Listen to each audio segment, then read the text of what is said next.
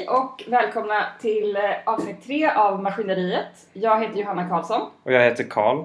Vi har eh, förflyttat oss från Drottningholm in till eh, centrala Stockholm Mm. för att vi har en gäst. Mm. Det är ingen mindre än Rickard Söderberg. Tjenare, välkomna hit! Tack! Tack! Och eh, vad roligt att du ville vara med. Såklart! Rickard, berätta om det mot förmodan är någon som inte vet vem du är. Kan du inte berätta? Jag är en långhårig operasångare som eh, eh, tycker det är kul att försöka förändra världen. Var det, var det en bra? Ja, jag tycker det var Ja, bra. Ja. Ja. Men det var rätt blygsamt, det är mycket mer än så. Du har bland annat gett ut en, en bakbok Se där! På tal om att förändra världen. som handlar lite om Drottningholm. Absolut. Du har ju en historia med Drottningholms slottsteater. Vi ska så börja med det här förnedrande. Har...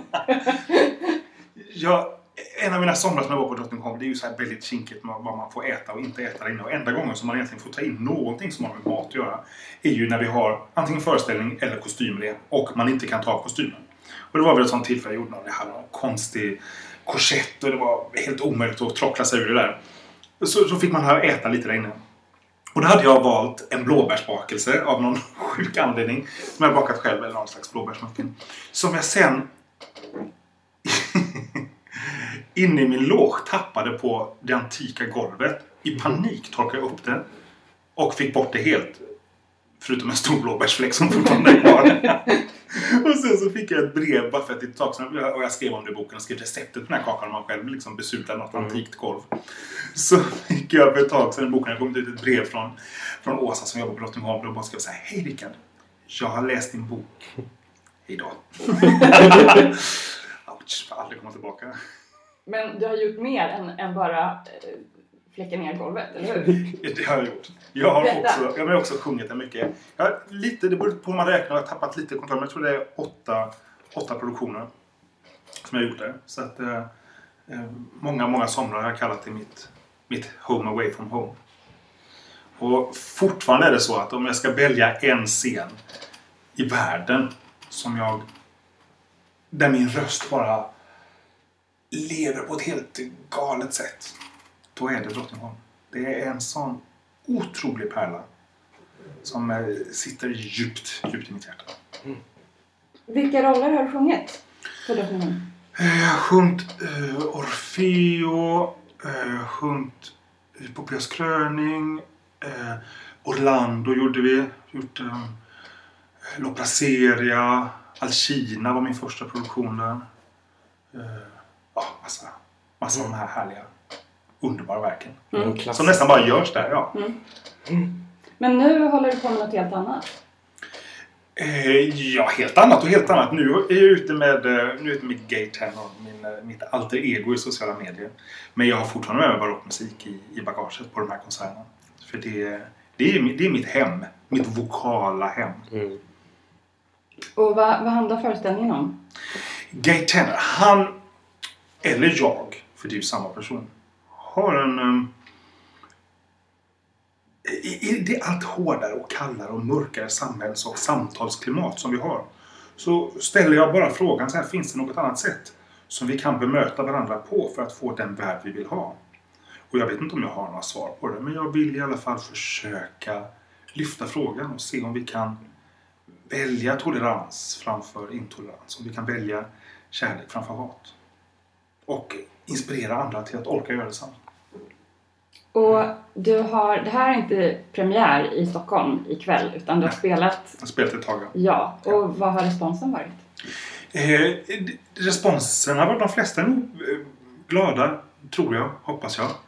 Eh, ganska få som är arga, för de som är arga kommer inte dit. Så det är ju utmärkt. Men jag har med mig min lilla låda med det som jag kallar mina kärleksbrev. Som är en låda med samlade, samlade dödshot. Som vi går igenom under föreställningen för, för att se om man också kan bemöta det istället för att så här öga för öga. Mm. Att också bemöta den typen av hot med, med lite värdighet och, och försöka få de som skriver det här att vara lite mindre rädda och mindre arga. Och då är ju musiken till en fantastisk hjälp. Och faktum är att efter jag har läst de allra värsta dödshoten så sjunger jag Vivaldi. För det finns inget som berör mitt hjärta så, så starkt som som barockmusik när den är som allra bäst. Mm. Men, för du har fått ta, ta emot rätt mycket hot. Då får man jämföra med, men jämfört med många så är det ganska mycket. Ja. Men hur orkar man eh, gå igenom den här långa processen och sätta upp en föreställning? Är det inte, ligger det inte närmare att att bara skriva tillbaks och hota tillbaks? Nej, inte för mig. För då är vi liksom bara kvar i en, en hämndcykel av att du sa äh, och du, du är ännu dummare och du ska dö ännu mer. Det där, det där kommer vi ingenstans med. Det är en återvändsgränd. Eh, det som vi kommer vidare med det är att, tror jag, inspirera varandra att försöka vara med och gräva där, där vi står. Alla har olika plattformar men alla har möjlighet att göra något på sin plattform. Och sen efter det då för efterhand börja bygga den värld vi vill ha. Och jag vet att det låter naivt. Men eh, jag tänker att vi måste ge det en chans. Mm. Men då kommer vi in lite på det här som jag, som jag ville fråga dig om. Eh, just det här med, med operasångare som, som verkligen tar plats i samhällsdebatten. Mm. Har det alltid varit så att operasångare faktiskt har varit aktivister snarare än de här Castafiore-divorna? Eller kan man vara både och? Ja, om det alltid har varit så. Jag tror, eh, jag tror inte att det alltid har varit så. Utan det finns en del personer som, som är väldigt engagerade och som dessutom är operasångare. Och det är när den kombinationen möts. För grejen är, som operasångare så har jag, detta hymlar jag inte med, men då har jag tillgång till ett antal offentliga rum. Eh, och när jag väl kommer till de rummen, då är jag aktivist. Eh, och det är, det, är min, det är min kombination som funkar väldigt bra för mig. Jag har provat inom parlamentariskt arbete och jag har provat massa andra saker. Det funkar inte för mig. För mig funkar, och där jag gör mest nytta, det är som opinionsbildare. Så det är det jag gör. Finns det någon som säger till dig att du borde lägga av med den aktivistiska tiden och bara vara operasångare? Ja, gud! Hur många som helst. Eh, såklart, för det, det- är ju också... Man gör sig i viss, viss mån obekväm i, när man... Eh, när man tycker saker. Även om det jag tycker, tycker jag själv är oerhört okontroversiellt. Det enda jag vill är att vi ska ha en värld där vi lever med varandra, inte mot varandra. Men det kan vara tillräckligt för att eh, ett konserthus ska backa och bara "Uff, nej, vi tar någon som är lite snällare. Eller vi tar någon som inte sminkar sig. Eller någon som står med en frack med handen på flygeln och sjunger Arctic. Och vill man ha det, då ska man inte ta mig. Ja. Ja, men eh, det verkar ju ha att göra ändå. Ja, jag har Göran. Och eh, sen skulle jag vilja veta vilket ditt förhållande till Ann på Grönkulla är. Du nämner ju henne i lite presentationstexter på vissa sociala medier. Grejen är att jag ser mig själv som han på Grönkulla. Alltid gjort det. Som en så här helt glad och vill bara skriva vacker poesi om kärlek och är så här hemligt förälskad i någon skitsnygg kille. Så här, och bara... Eh, och sen så får jag alltid en chock när folk då inte ser mig som Ann på Grönkulla och ser mig som någon annan, som någon slags eh, hårdrockad rebell eller, eller vad de nu ser mig som. Men i mitt inre så springer jag på de här eh, sanddynerna med poesi som man blåser i vinden och är liksom bara ett litet snällt lamm. Har du varit på Prince Edward Island? Nej, jag har inte varit det. Jag måste dit. Det jag redan skulle stanna kvar. Det, det är rätt stor turistindustri kring det. Det finns ju två musikaler som går året om. Mhm. Ja. Jag är inte den där turisten på Grönkulla. Jag är den här jag är tv-serien från när jag var barn. Som jag kan se Ja. om och om igen och bli så Ja, här typ helt dehydrated för jag Ja. griner så mycket. Åh, de kanske ska sätta upp på Drottningholm. Anne på Grönkulla. Ja, det skulle vara De Drottningholms publik är så här, den, Ja, den har vi längtat kanske efter. ute i parken. Ja! Och borta i den här, när man går halvvägs bort i våfflorna så finns det ju en teater där. Ja. Där skulle vi göra. Mm. Lövteatern. Den är Ja. ju lite unik. Ja, Jag hade redan börjat planera henne och skissa i huvudet. Men för du är konstnärlig ledare också? För Ystad, Teater som, är, eh, som tillhör också det här sällskapet av små historiska teatrar i Sverige tillsammans med Mm. Drottningholm och till. De har en inhouse och sommarproduktion varje år som jag, eh, som jag är med och styr. Mm. Tillsammans med Lenkvist. Eh, Och det är andra, vi håller på att planera andra sommaren, kommer till sommaren. Och det är ju jättespännande och jätteroligt. Och jättetråkigt för jag kan inte vara på Drottningholm. De somrarna jag i Ystad. Hur är det att vara chef? jag ser mig inte så mycket som chef. Jag ser mig som en, som en del av ett, av ett team som tar fram det där. Men jag, eh, ti- jag har ju regisserat de föreställningar vi gjort tidigare och kommer regissera i sommar. Och det eh, tycker jag är väldigt, väldigt eh, stimulerande och roligt. Och jag tycker att mina år som operasångare har, har gett mig en chans att förstå vad en operasångare behöver för att göra ett så bra jobb som möjligt på scen. Vilket man inte kan säga om alla regissörer. Så ehm, det känner jag mig i alla fall trygg med. Att jag kan skapa en miljö där operasångare ska kunna blomma. För jag tänker hela tiden så här, vad skulle jag vilja? Hur skulle jag själv vilja bli behandlad? Eller hur skulle jag vilja ta mig an den här scenen? I just det här ögonblicket. Och så försöker jag återskapa det. Har du några tips till eh, nya, nya operasångare eller unga operasångare? Som, eller de som vill komma in i operavärlden? Um, alltså det, det första är väl att skaffa sig en realistisk bild av vad det håller på med. När jag gick på operaskolan så hade jag ingen... Jag trodde jag visste precis vad det handlade om. Sen när jag väl kom ut i operavärlden så var det något helt annat än vad jag trodde att det skulle vara. Vilket var en chock men också ett uppvaknande för mig. Det var först efter jag gick ut i operaskolan som jag kände att jag kunde lära mig jobbet. När jag gjorde min första roll på Drottningholm hade jag ingen aning om hur det funkar någonting. Mm. Jag trodde det men det var, jag var ju helt... Men... Eh, eh, unga operasångare, men för det första lära sig hantverket. Det är utan hantverket, utan rösten i sin hand, utan att göra sig oberoende av så många yttre omständigheter som möjligt så kommer man inte klara det här jobbet. Det går inte att, att noja för, för tusen småsaker om man gör en föreställning i ett land ena dagen sen reser dagen sen en föreställning i ett nytt land dagen efter och det är så här 40 grader varmt ute och 10 minus inne för det är så mycket AC och sånt. Det är bara att mm. gör ditt jobb och bara ha tekniken helt och hållet fast.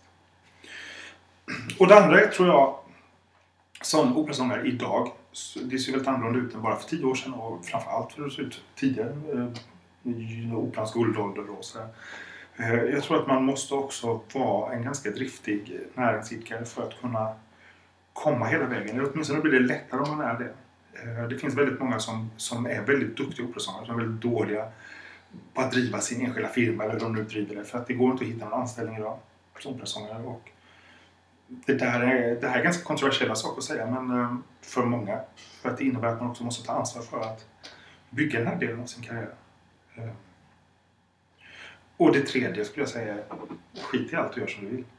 Mm. Gör inte som någon annan säger. Följ inte mallen. Följ inte hur det ska låta. Följ ingenting. Lyssna inåt och bara gör det med din röst som du vill att den ska göra. Basta. Men alla andra grejer som du gör nu med, med bakbok och, och metro och krönikor och, och sådär. Är det då en del av att vara näringsidkare för dig? Eller är det nej, en, nej, nej, nej. Det är en del. Det är, det är mitt kall. Jag, eh, jag försöker göra så många saker som jag, som jag vill göra, som jag njuter av att göra, som jag tycker är roligt att göra. Eh, och som jag tycker är viktigt och som liksom driver mig. Och att vara en del av en, av en opinionsbildning och samhällsförändring är något som driver mig väldigt hårt. Och som är, eh, som är lika starkt i mig som att, som att sjunga. Och när jag då kombinerar de här två sakerna då blir det en bakbok. Det är mest opera i den. Jag har bara gömt det bakom lite recept. Och, och, ehm, men, men då blir den här kombinationen för mig funkar väldigt bra. Det har blivit mitt sätt att, att uttrycka mig. Så att på en konsert så är också mellansnacken viktiga till exempel. Det är inte bara så här nu sjunger jag och nu kommer jag sjunga. Utan det finns, finns en, en mening i dem också. Och det är det som um, har blivit min, uh, mitt sätt att jobba. Men skulle du varit lika känd om du bara hade varit operasångare eller bara aktivist? Eh, det tror jag inte. Jag tror att det, det finns en synergi. För mig, detta är ju så oerhört individuellt, men för mig eftersom jag brinner för de här sakerna så blir det en synergieffekt av att, eh, av att eh, både få, att få använda min röst på olika sätt. Men, och det har egentligen ingenting med vad jag gör att göra. Det har att göra med att jag gör det som jag brinner för. Sen kan det vara vad som helst. Men för att jag gör det jag brinner för så tror jag att det, de lågorna syns. Så, så det gäller ju alla sånger. Gör det ni brinner för. Och gör man det tillräckligt intensivt då kommer det explodera som ett eh, musikaliskt tomteblås. Mm. Men kan vi inte prata lite mer om din bakbok? Jag blev så sugen när jag läste den på att äta dina bakverk. Det är bra. Väldigt, väldigt eh, visuellt vackra skapelser du har gjort tycker jag faktiskt. Ja. Det är, eh, de är, jag har inte hunnit baka någonting Va? själv. Jag, jag, tänkte, jag tänkte faktiskt komma med blåbärsmuffins. Mm.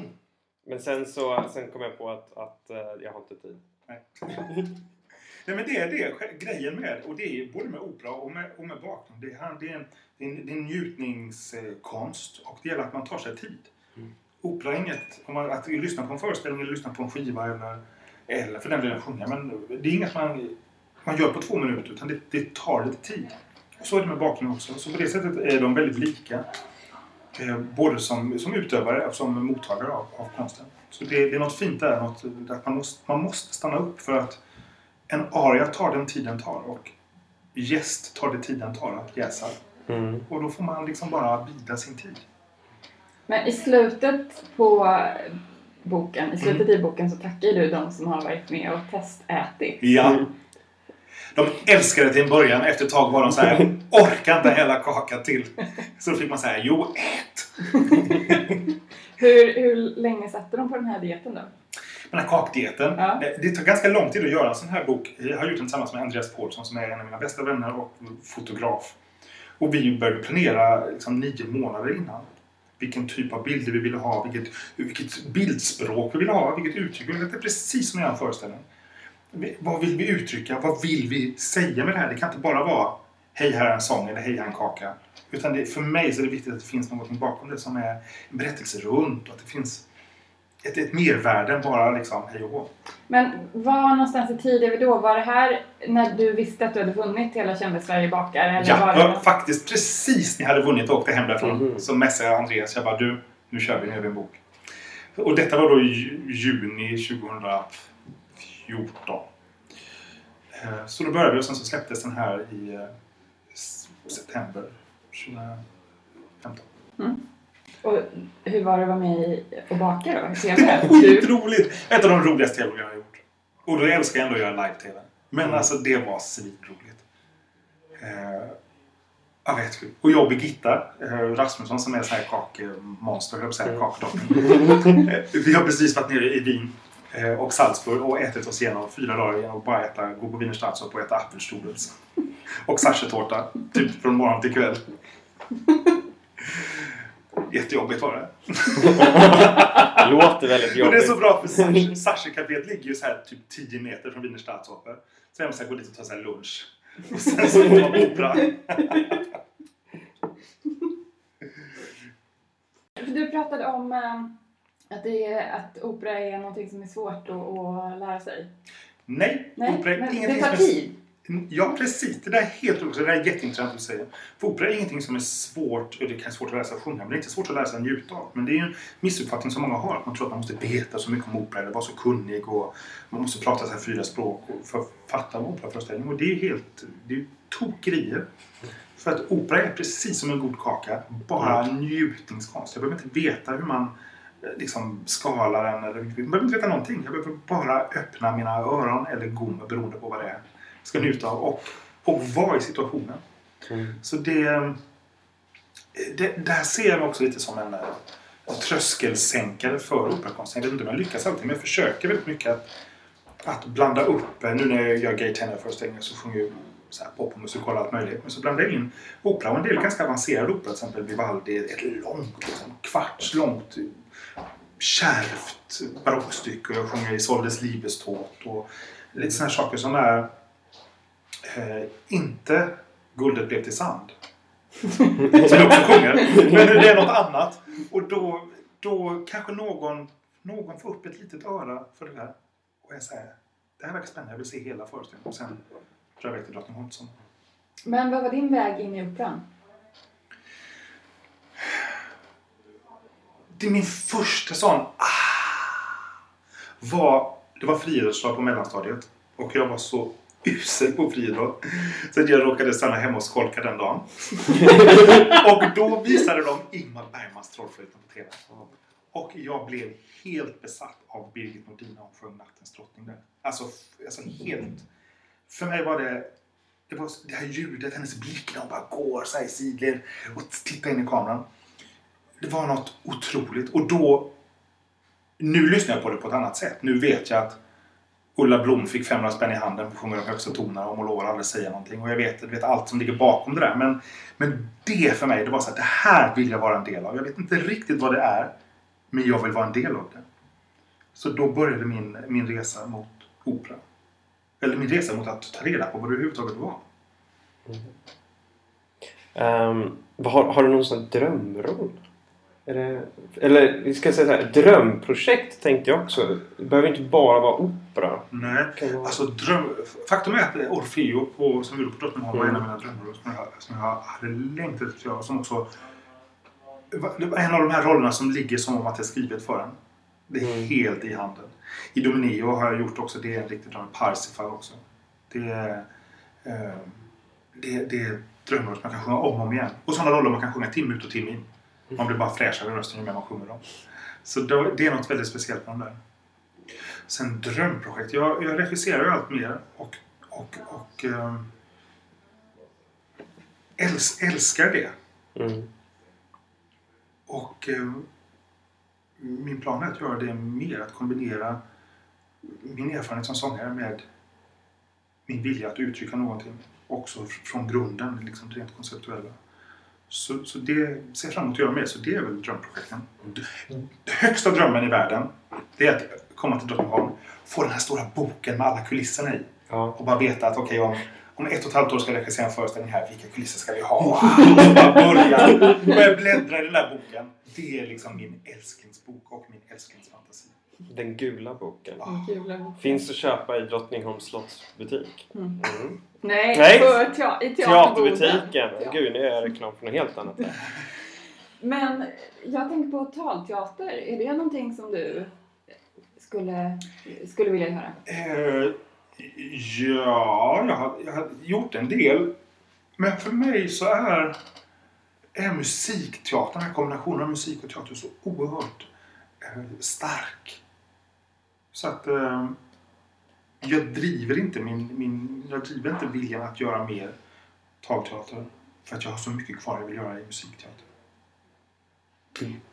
I, I operavärlden, vilka är de här rollerna som man liksom tar sats för att göra? Inom talteatern är det ju exempelvis kung Lear. Ja. Alltså det är ju kronan på verket för Ja. en, en manlig skådespelare. Vilka, vilken är motsvarigheten till Lear för dig? Det, där, det där är så bra eller dåligt att fråga mig för att jag är så eh, jag är så oerhört prestigelös när det gäller det där. När jag för några år sedan hade varit när jag jobbat utomlands. Jag kunde ha så här 300 resdagar på ett år.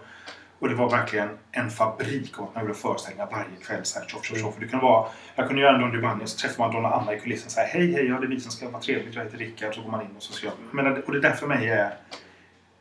Det där har ingenting med det jag vill göra att göra. Så att när jag höll på med det några år så fick jag... Jag bara orkar inte. Det var inte det här jag signade upp för när jag började på Operaskolan. Så jag ringde min agent och bara, vet du, stryk det vi har så börjar vi från början. Jag vill inte göra det här. Och då tittade jag på den här listan över så här drömmar innan situationstecken man ska ha som operasångare. Så står det så här Metto, och La Scala över så här. Eh, och så var det så här, är det viktigt för mig? Nej, är det kul? Ja visst, det vore skitkul. Men hur, hur viktigt för mig är det? Är jag beredd att offra allt det som jag kommer behöva offra för att komma dit? Och så bara, nej, inte alls. Så började jag stryka de här sakerna. Eh, vilket då är lite fult, för som operasångare så ska man vilja dit och det ska vara det finaste. Och, men jag känner att jag vill göra för mycket annat. Jag vill, jag vill vara he- hemma i Sverige mycket mer. Jag vill eh, sjunga på ett annat sätt. Jag vill sjunga här. Jag vill... Mm. Så, ehm, så, så det är lite så här, vilka man tar sats för. Det är nog helt beroende på vem man är. Jag skulle ta sats för en Orfeo. Men det är nog ganska få som skulle göra. Blir det nog mer schlager? Eh, Schlager var... Det var en dröm jag hade Mm. sen 26 februari 1983. Då den drömmen liksom väcktes till liv i mig. Med Carola? Ja. På Palladium i Malmö. Och, och så Var du sen- där? På Nej, Palladium? nej. Jag var så väldigt, väldigt, väldigt ung då. Inte så ung som jag hade hoppats, men jag var väldigt ung. Eh, då, och jag kände att jag måste få prova den här gången. Jag måste testa och se hur det funkar och vad det är och om det är det jag trodde att det var. Så då gjorde jag det. Testade. Det var eh, ungefär det jag trodde det skulle vara och det var kul. Det var som att göra bra live-tv. Men ehm, jag hade väldigt höga inre förväntningar på hur min upplevelse i det skulle vara. Och den, ehm, den slår fortfarande inte att, att åka i charen till exempel. Nej. Jag menar, det- det- för mig så har jag mitt hjärta så starkt i någonting annat. Så detta var en Mm. underbar utflykt. Men det kommer dröja när jag gör det. Du har åkt i charen alltså? Många, många gånger. Du är inte höjdrädd? Ja, det finns liksom inte utrymme för vad det är. Min värsta sjal var i Popeas klänning. Då hade jag en svinstor klänning på mig som jag, som jag köpt loss, som jag äger nu. Som var liksom... ja, ni vet, den är, den är så fruktansvärt stor och tung så att det... Eh, och med någon korsett och någon stor jävla hatt. Och så hade vi... Och så var det så här, ja, eh, i samma ögonblick som du går av scen här så skulle vi vilja att du kom ner från taket. För det kan en regissör som inte vet hur sångare funkar säga. Så, och då var det bara så här, okej okay, jag försöker göra det. Så då sprang jag sen, sprang som ett svin upp för de här små, små, små trapporna. Duckar under, under repen och sen så ut på charen. Och charen är ju... Eh, jag tror den säkerhetskollades senast kanske 1700 någonting. och så har de eventuellt bytt något rep. Men det är liksom så här ranglig liten pinne man sitter på. Och så är det svinhögt. Och sen så är det någon någon stackars scenarbetare som står och med, så här, med några handskar och drar ner den. Och så har de, här, från början hade de bara ett litet handtag i rep som också sattes fast på typ 1700, jag vet. Som, som man liksom bara drog i det lite fort och skulle åka av så man kunde inte riktigt röra det men det var säkerhetsbälte. Sen så något år senare så satte de in också så fånigt ett litet säkerhetsbälte. Ja, så. Som också sitter fast typ i en bit tyg från 1700-talet. Som är så här, men det här hjälper ju Alltså det, det bara förstör mig och jag får inte runt med klänningen då. Så den, den kan man bara skita Men då var det bara så här upp och så sätter jag sig den och så åker ner. Och det värsta momentet när man åker i skören, när man åker ner. Det är precis när man kommer nedanför nedersta kuliss, översta kulissen. För att då, när man är vid kulissen då ser man så här, men här är ju lugnt. Jag ser hela golvet och taket uppe. Men sen så fort man kommer ner då ser man hur högt det är och det är ganska högt. Så det är alltid mitt värsta moment. Och då får man alltid, nu kommer så här detaljerna, då får man alltid luta sig lite, lite bakåt för då är risken mindre för att man slår runt och ramlar och dör. så, så just när man kommer förbi där så brukar jag så luta lite bakåt. Och så om man kan, om man har bra klänning, så kan man lägga upp högerhanden lite på baksidan av ena molnet. För att det är mm. molnet man åker i. Och då är risken mindre att man ramlar ner. Sen så när man åker någon meter ner. Det finns en brytpunkt någonstans i mitten. Om man är så här, ramlar jag här så överlever jag. Och då bör man börja slappna av lite. Så tänker jag när jag åker den. Charen är alltså vår lilla molnanordning som man kan stiga ner i från himlen mm. om man är någon typ av eh, gudskaraktär eller, eller så. Mm. Ja. Eller om man dör. Jag har också åkt upp när man har dött på scen. Och så ska man, ska dö, efter man har dött så ska man släpas upp i den för att ta sig upp till himlen. Det är alltid så här väldigt fult. Men upp tycker jag är, upp är mycket enklare att åka. För då, då är man med på hela resan och sen så när man väl kommer till Visst alltid någon, någon, någon fin assistent upp och liksom så fort man kommer ovanför låt så tar de tag i ens arm. För det är så här, falla nu så håller vi dem. Jag vet inte om jag kunna göra det här det är så högt. Men, men det är en sån här känsla av trygghet. Skenbar. Den, den var väl typ byggd för så här, Gustav III när han var åtta år för att han skulle kunna ja, åka ner där. In så här operasångare med hårdrocksambitioner. Det skulle ju passa ganska bra i en hårdrocksmusikvideo. Eller kanske mer man åker ner. Har du åkt ner förresten? Ja, ah, åkt ner. Men, och det, det, det är toppen. Um, när man åker ner då ser man också själva den här golvluckan. Jag åkte i båda luckorna. Men den stora luckan eh, den drivs ju av liksom fyra stycken eller sex stycken små unga ungdomar som somarbetar och som springer mm. som hästar i ett hjul där under. Så när man är så helt snygg och står vacker i någon härlig pose och åker ner så fort man kommer nedanför scenkanten så ser man dem så här svettas och springer där som små moderna operaslavar.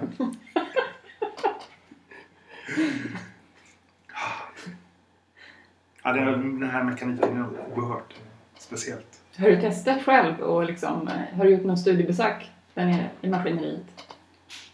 Ner maskineriet. Ja. Så, du menar testat att springa och ja. göra så här, aj, aj, jag gjort ja. allt. Du har gjort allt. Testat allt där. Dratt i alla snören och åskat i alla åskmaskin och rullat på alla bågar. Och... För det, det är ju det som är grejen med att vara där. Att förstå att det också är ett samarbete. Om jag skulle vara... Där om någonstans är det icke-hierarkiskt. För där är vi alla beroende av varandra. Jag är så beroende av att de som driver maskineriet är trygga och att de är lugna och att de mår bra. För då vet jag att de också kommer sköta det och jag kommer att överleva. så det, det är en fråga om liv och död ja, men, lite så är det. Ehm, och, ehm, så, så, där är det verkligen ett, ett samarbete. Och där är det, jag, jag förstår inte de operasångare som är där som inte... Eh, ibland vet de inte ens vad folk, vad de här, alla de här assistenterna som spelar heter. Utan det är så här you. Så jag dåligt. Vad fan, det är samma produktion och alla har ett oerhört värde där. Det, det tycker jag man kan eh, våga prata om. Men har du ramlat av charen någon gång? Nej. Nej. Nej. Har du ramlat av något annat? På något annat ställe? jag, jag ramlar ganska mycket. Förra året ramlade jag var ute med Billy Crafoord på någon turné och ramlade av en jävla skenande häst. Och då bröt jag, då bröt jag mitt högra nyckelben och sen så var jag fångad på fortet i somras. Och då ramlade jag av någon jävla... Ah, jag kan inte ens prata. Säg aldrig ja till det. Och då bröt jag axeln här så då... Så den här, här har jag en ny här nu med ett svincoolt ärr. Kolla! Så här. Ett ärr som går liksom från halsen långt ner på armen som värsta Crocodile Dundee. Kan ju säga att det var tigrarna. Om ingen har sett programmet. Ja precis, har man sett programmet så vet man inte så jävla drogar de tigrarna som gör ingen för när.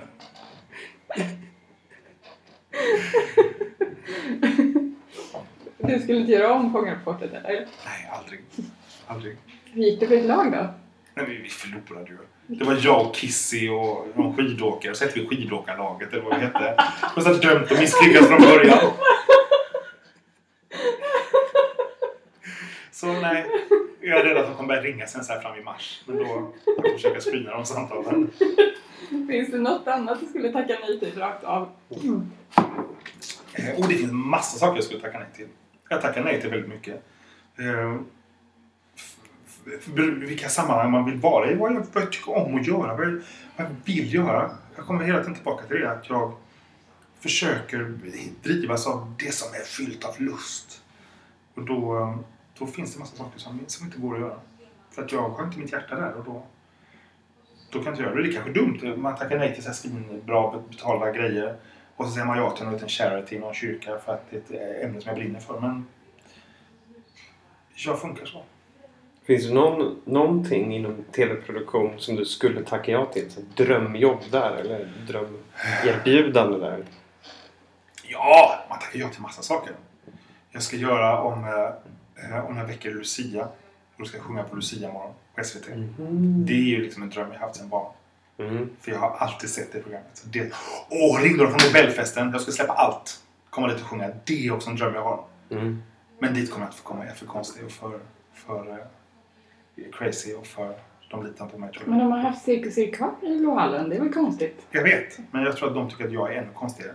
Jag vet inte. Jag, jag, jag, jag, fattar, jag fattar inte varför de inte har ringt redan. Men, men det, det skulle jag släppa allt för. Det vore roligt. Ja. Okej, Nobelfesten. Eh, Lucia kommer du ha krona på dig? Kommer du vara Lucia? Jag kommer inte vara Lucia. Men jag kommer sjunga flera av mina absoluta yndlingssånger. Nu tänkte jag att vi skulle göra det här Instagram-momentet. Som Yes! jag har, jag har förvarnat Rickard om det innan. Rickard är ju nästan lika känd som instagrammare som operasångare. Ja. Och jag satt igår och gick igenom hela din Instagram-feed. Ja, det är från mitt Instagram Ja. Alltså när du säger förberett så har du bara sagt att det skulle komma något med Instagram att göra. Ja, men Okej. det här är alltså från din feed. Och eh, eftersom vi är, har ambitionen att vara lite folkbildande så kommer jag ge Rickard fem bildtexter från sitt eget flöde. Och så får han eh, helt enkelt eh, sjunga den aria som han tycker... Alltså om det inte hade varit ett foto, eh, vilken aria skulle det ha varit då? Jag fattar. Gud vad bra. Okej. Och då börjar vi med...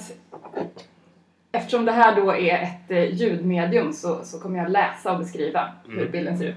Bilden är en mjölkkanna med texten kossa och eh, bildtexten Vi som skäms när vi tar fulmjölk på vegancafé. Ehm, eh, då skulle jag sjunga... ehm, då skulle jag sjunga La donna è mobile qual fiume al vento mutata Anledningen är att det är, det är så väldigt, väldigt jobbig aria och den ligger sent i föreställningen. När man väl kommer till de höga hårna på slutet så är det... Ibland har man dem, ibland har man dem inte. Så det är riktigt så här skämsställe. Att man vet att det kan komma, eller så kommer det inte. Så det är, det är min skäms, mitt skämsställe. Och vilken opera är det här från? Detta är från Verdi Rigoletto. Du kan ju sjunga det nästa gång du tar fulmjölk på vegancafé. Precis. Då tar vi bild nummer två. Ehm, Det är en bild där du Rickard håller i ett plakat på vilket det står genus är en konstruktion. Bildtexten genus är en konstruktion? Frågetecken. Hands-on operadiskussion. Ah, oh, det var operaimprovisation, operaimprovisation som jag var och tittade på. Jag vet, Då skulle jag... Oh, då skulle jag faktiskt sjunga lite från Orfeus, för Orfeus bygger ju på improvisation. Mm. Possente spirito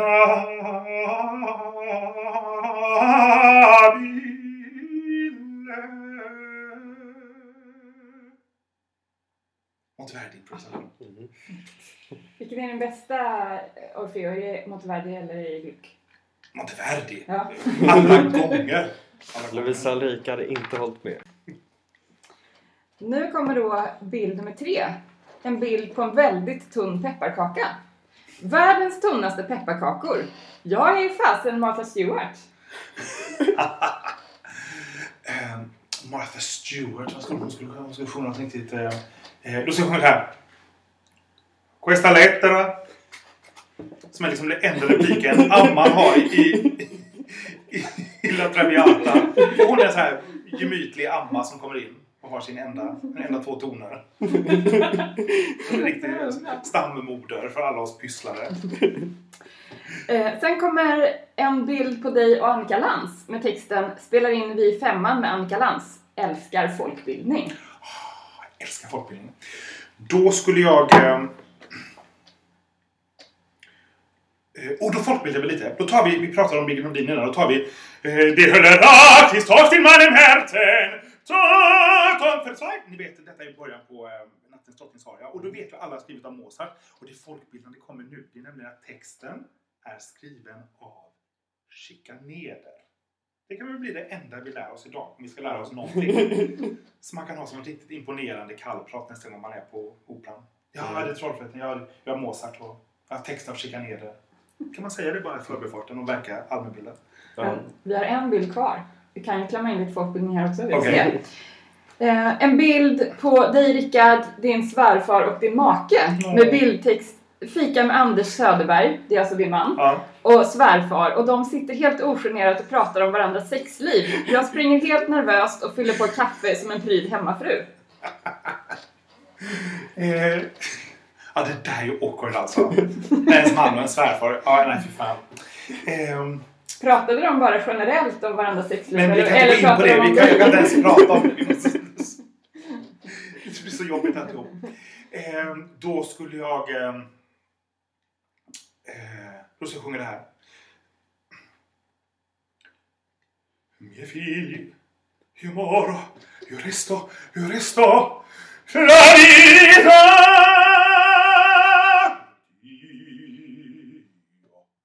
när Gustav III dör i världens maskeradbalen. Hans dödsögonblick. Varför valde du den? Därför att det är den känslan man har när de sitter och pratar om det där. Ja. Man bara vill dö. Ja. ja, Ska vi eh, avrunda? ska vi avrunda intervjun? Ja. det gör vi. Vi säger tusen tack till Rickard Tack för själva. att vi fick träffa dig. Och vi ses ute på teatern. vi ses Ja. på teatern. Vi är där nästan hela tiden. Ja, det Ja. gör vi. Nästa avsnitt för oss blir någon typ av julavsnitt ja, som kommer i december. vi får se vad vi kan luska upp för någonting då. Ja, Ja. det blir något med jul i alla fall. Någonting med jul. Kanske någonting om, om hertig Karls mat också. Ja, kanske Ja. det. Tack för att ni har lyssnat. Vi hörs. Hej hej! hej hej!